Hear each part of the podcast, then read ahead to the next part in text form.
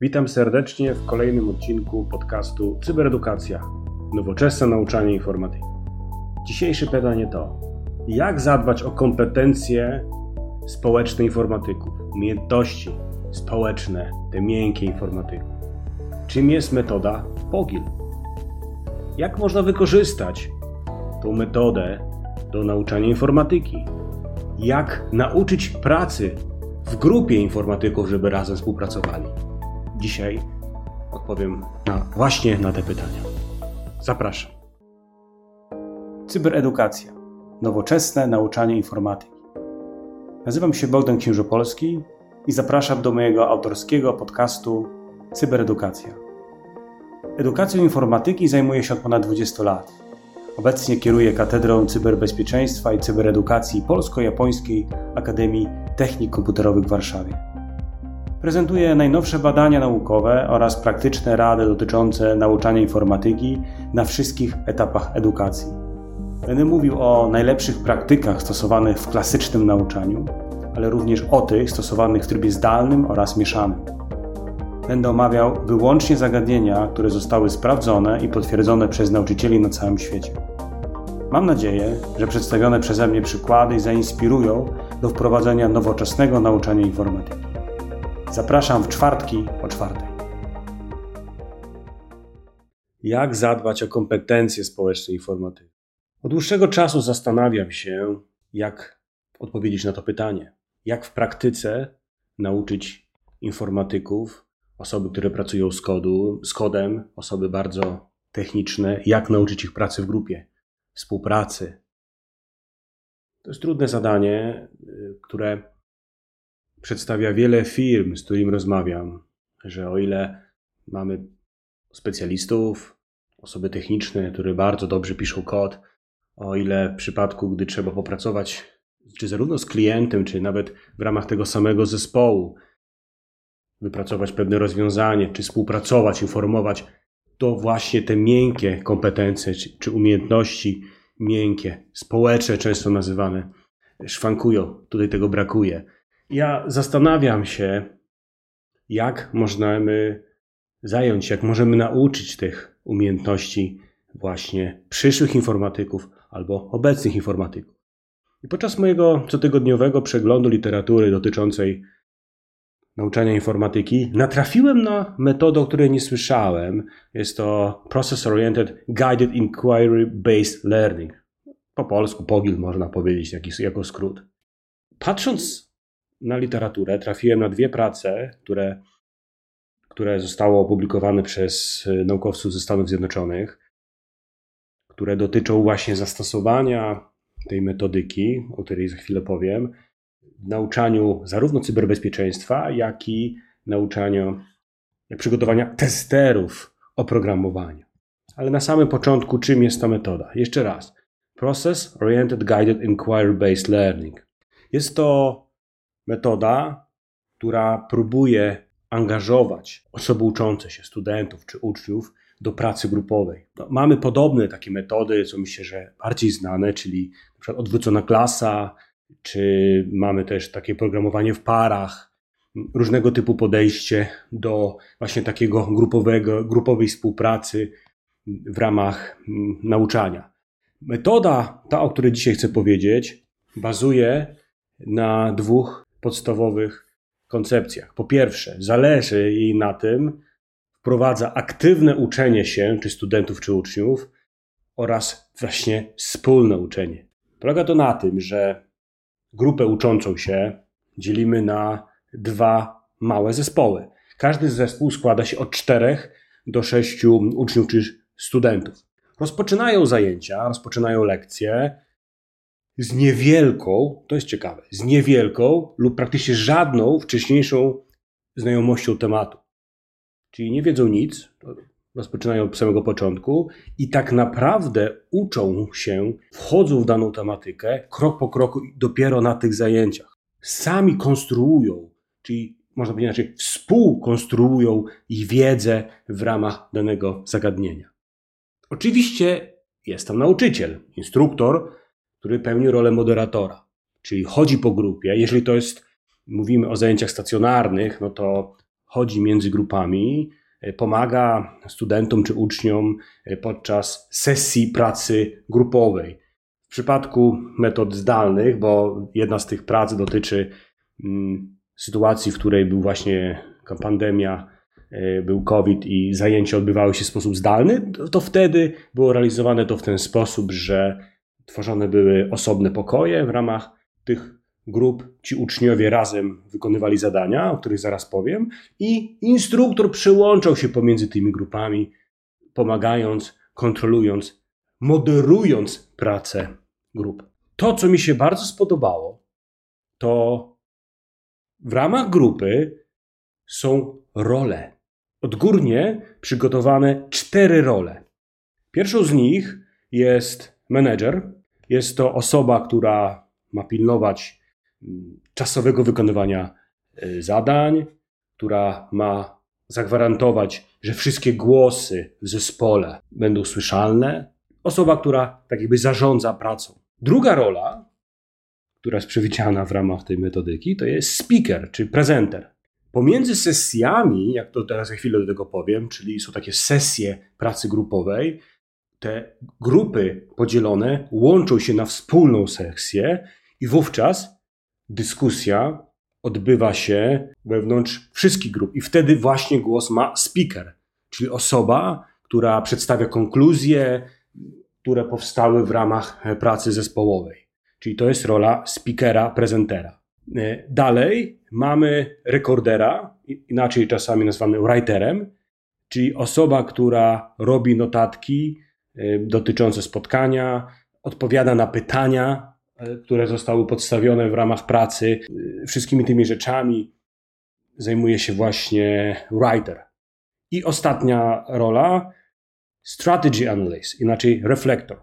Jest to osoba, która obserwuje pracę zespołu, zachowania, musi zwrócić tak jakby z góry patrzy, czy wszyscy się, się angażują, mm, czy wszyscy słuchają, patrzy jak pracuje grupa i może dawać pewne insighty, pewne przemyślenia, które pozwolą, żeby grupa pracowała lepiej. Taki analityk. Manager, writer, recorder, presenter i reflektor czy analityk. Czyli mamy cztery role w zespole. Co dalej?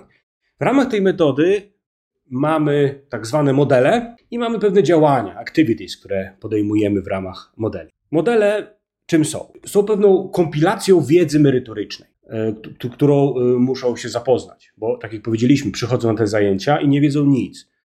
Ale nie są to modele takie tekstowe, czyli mamy ściany tekstu, no bo to jest nudne.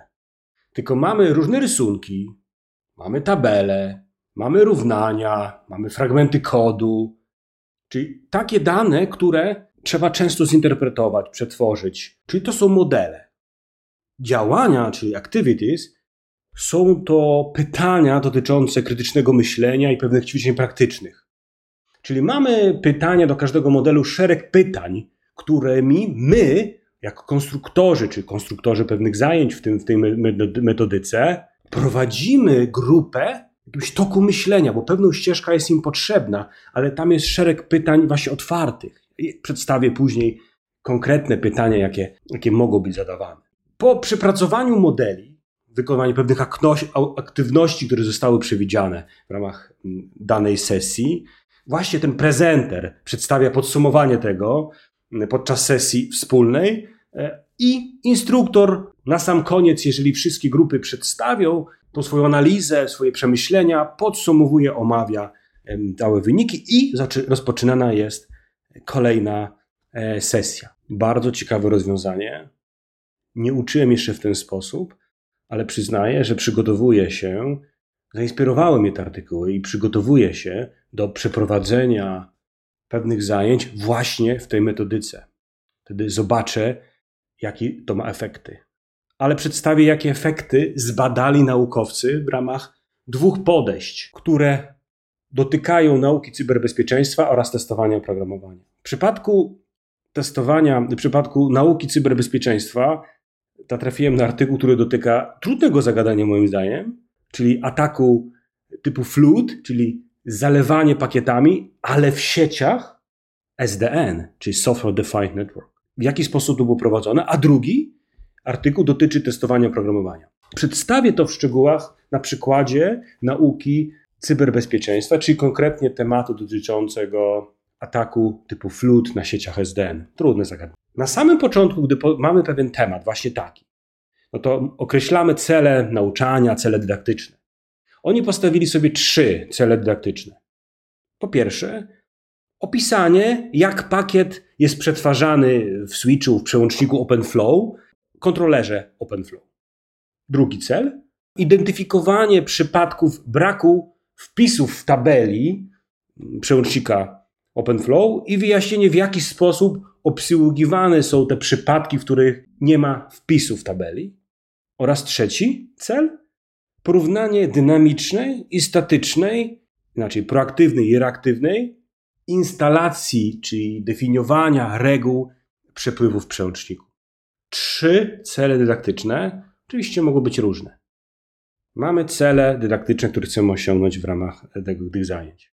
Dalej określamy zadania, czyli activities.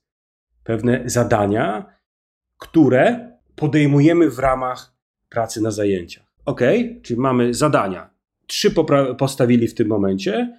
Pierwsze zadanie: wprowadzić osobę uczącą się zagadnienie ataku typu flooding na SDN data plane, czyli po prostu ogólnie wprowadzić w to zagadnienie. Dalej zadanie, jak przebiega atak typu flood na sieci SDN. I trzecie zadanie, jak zapobiec atakowi zalania, czyli ataku flooding na sieci SDN. Żeby wprowadzić te zadania, które, które zostały do, określone jako activities, określane są, budowane są modele do tych zadań. Czyli jak mamy wprowadzić zagadnienia tego typu flood na sieci SDN, no to budujemy sobie dwa, trzy modele, które przeprowadzają osobę uczącą się właśnie w zrozumieniu, do zrozumienia właśnie tych zagadnień, które konkretnie realizują pewne cele dydaktyczne wyższe. I jak to wygląda? W tym przypadku akurat zostały przedstawione grafiki, czyli schemat sieci, która pokazuje pewną architekturę. I do takiego schematu, do konkretnej sytuacji, która ma miejsce, określamy pytania. W tym przypadku pytania zostały określone takie. Kiedy przełącznik OpenFlow otrzymuje przepływ, czyli nowy flow, jakiś ruch, co wtedy robi przełącznik? I do każdego pytania określamy czas, jaki powinien poświęcić uczeń czy student na od, znalezienie odpowiedzi na to pytanie. Dzięki temu kontrolujemy cały proces w czasie. I ten czas może kontrolować menedżer. Dwie minuty akurat w tym przypadku. Dalej, kolejne pytanie. Co się stanie, jeśli będzie dużo takich brakujących wpisów w przełączniku? 5 minut na odpowiedzi. No to ma sens, no bo w momencie, jak się pojawia nowy przepływ, nowy flow, no to jak jest atak typu flood, to będzie tysiące takich nowych wpisów, których nie ma na przełącznik. Więc stawiając to pytanie, niejako wprowadzamy w tą tematykę ataków zalewowych. I, I tak dalej, i tak dalej. Określamy różne pytanie do konkretnego modelu. Zespoły w ramach e, pracy swojej sesji pracy grupowej zapisują odpowiedzi na to pytanie. Zapisuje to właśnie writer. Musi zapisać odpowiedź do tego pytania, ale też od razu wiemy, kto to robi. Gdy znaleźliśmy odpowiedzi na te pytania, rozpoczyna się sesja właśnie dyskusji i prezenter prezentuje to publicznie w ramach różnych grup i moderuje to instruktor, nauczyciel, który na samym końcu to podsumowuje. I tych sesji jest kilka, w tym przypadku trzy sesje, ponieważ mamy trzy zadania. I w każdym tym zadaniu mamy różne modele, gdzie są pytania, które prowadzą osoby uczące się przez sposób nauczania. Moim zdaniem wygląda to bardzo obiecująco, ale wyniki są bardzo dobre. Ja za chwilę je podsumuję, czyli powiem, jak osoby uczące zareagowały, co sądzą o tego typu nauczaniu, kontra klasyczne nauczanie w postaci takiej wykładowej, wykładanej. Tylko jeszcze chcę powiedzieć o jeszcze jednym zagadnieniu, moim zdaniem też bardzo ciekawym. Czyli też znalazłem w tej pracy, też przez naukowców ze Stanów Zjednoczonych, jak nauczyć testowania oprogramowania. Ponieważ duży problem, problem się pojawia, jak tego uczyć. No bo tu mamy pewne rodzaje testy jednostkowe, jak uczyć przeprowadzać testów jednostkowych, testów integracyjnych, jak przeszkolić właśnie w zakresie testowania kodu. I tutaj też zastosowano właśnie tą metodę Process Oriented Guided Inquiry Based Learning, czyli grupowej analizy, i bardzo fajnie przedstawiono te, te modele i zespół pytań, które można prowadzić w ramach nauczania testowania oprogramowania. Ja tutaj w ramach, y, jako w opisie, dodam też link do miejsca, gdzie różne scenariusze zostały przedstawione przez społeczność, które uczą czy programowania, czy innych zagadnień z nauczania informatyki właśnie w tej metodyce. Czyli można je wziąć i dostosować i nauczyć właśnie w tej metodyce takiej pracy grupowej, rozwiązując konkretne problemy, już takie mocno informatyczne. Jakie są wyniki? Po pierwsze, poprzez analizę statystyczną jasno zostało określone, że wyniki klasy, która była prowadzona tą metodyką, kontra klasy, grupy, która była nauczana metodyką klasyczną, czyli taką wykładową, znacząco wyższe wyniki uzyskały osoby uczone metodyką właśnie tym, tym POGIL. Na koniec jeszcze chciałbym przedstawić pięć stwierdzeń, które w 100% wszystkie osoby, które brały udział w badaniach, akurat dotyczące w tym przypadku nauczania SDN, czyli tego cyberbezpieczeństwa, w 100% wszystkie osoby uczestniczące zgodziły się z tymi stwierdzeniami. Po pierwsze, miałem pozytywne doświadczenie w pracy w grupach w tej metodyce, czyli pozytywne doświadczenie, bardzo dobry odbiór tej metodyki. Dalej, pracując w grupach, byliśmy w stanie skutecznie się komunikować. To jest ciekawe dla mnie, czyli jeżeli te role zostaną narzucone, jasno przedstawimy, jaka jest rola poszczególnych osób, to wtedy mogą oni pełnić tą rolę. Podczas dyskusji na spotkaniu, na spotkaniach grupowych, ustawienie różnych ról sprawia, że nasza dyskusja jest bardziej efektywna. To też jest bardzo ciekawe, bo oni jeszcze zrobili coś takiego, że co jakiś czas robimy zamiana ról. Tak? Czy to nie musi tak być, że ciągle masz tą samą rolę, tylko pełnisz różną rolę w grupie. To też jest bardzo ciekawe, bo musisz wejść w buty danej osoby, dan, danej osoby, która pełni inną rolę, no i wywiązać je. Więc podczas normalnej sesji wiesz, że za chwilę będziesz inną osobą i patrzysz, jak ona, jak ona sobie radzi w tym. Bardzo ciekawe spostrzeżenie. Metoda Process Oriented Guided Inquiry Based Learning zaangażowała mnie w poznanie ataku. Zaangażowała mnie, czyli po raz kolejny widać, że tego typu praca zespołowa buduje zaangażowanie. Nie jesteś obok, tylko angażujesz się w temat. Jak jesteś zaangażowany, automatycznie lepiej przyswajasz wiedzę i nabywasz umiejętności. I nowa metoda pozwala mi przeanalizować problem i na podstawie dostępnych informacji zidentyfikować rozwiązanie.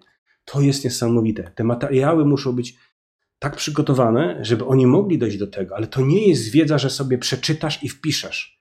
Tam muszą być pewne rzeczy, które muszą być wywnioskowane, ale też ma być ich nie za dużo, więc przygotowanie tych materiałów zabiera na pewno czas, ale efekty są niesamowite. Z tego, co ja tutaj widzę, bo dlatego myślę, że warto przeanalizować tą metodę w swoich lekcjach, lekcjach na pewno nauczania informatyki i jak widać również bardzo specjalistycznej. To nie jest tak, że tylko te specjalistyczne zagadnienia, które tutaj przedstawiłem, są poruszane.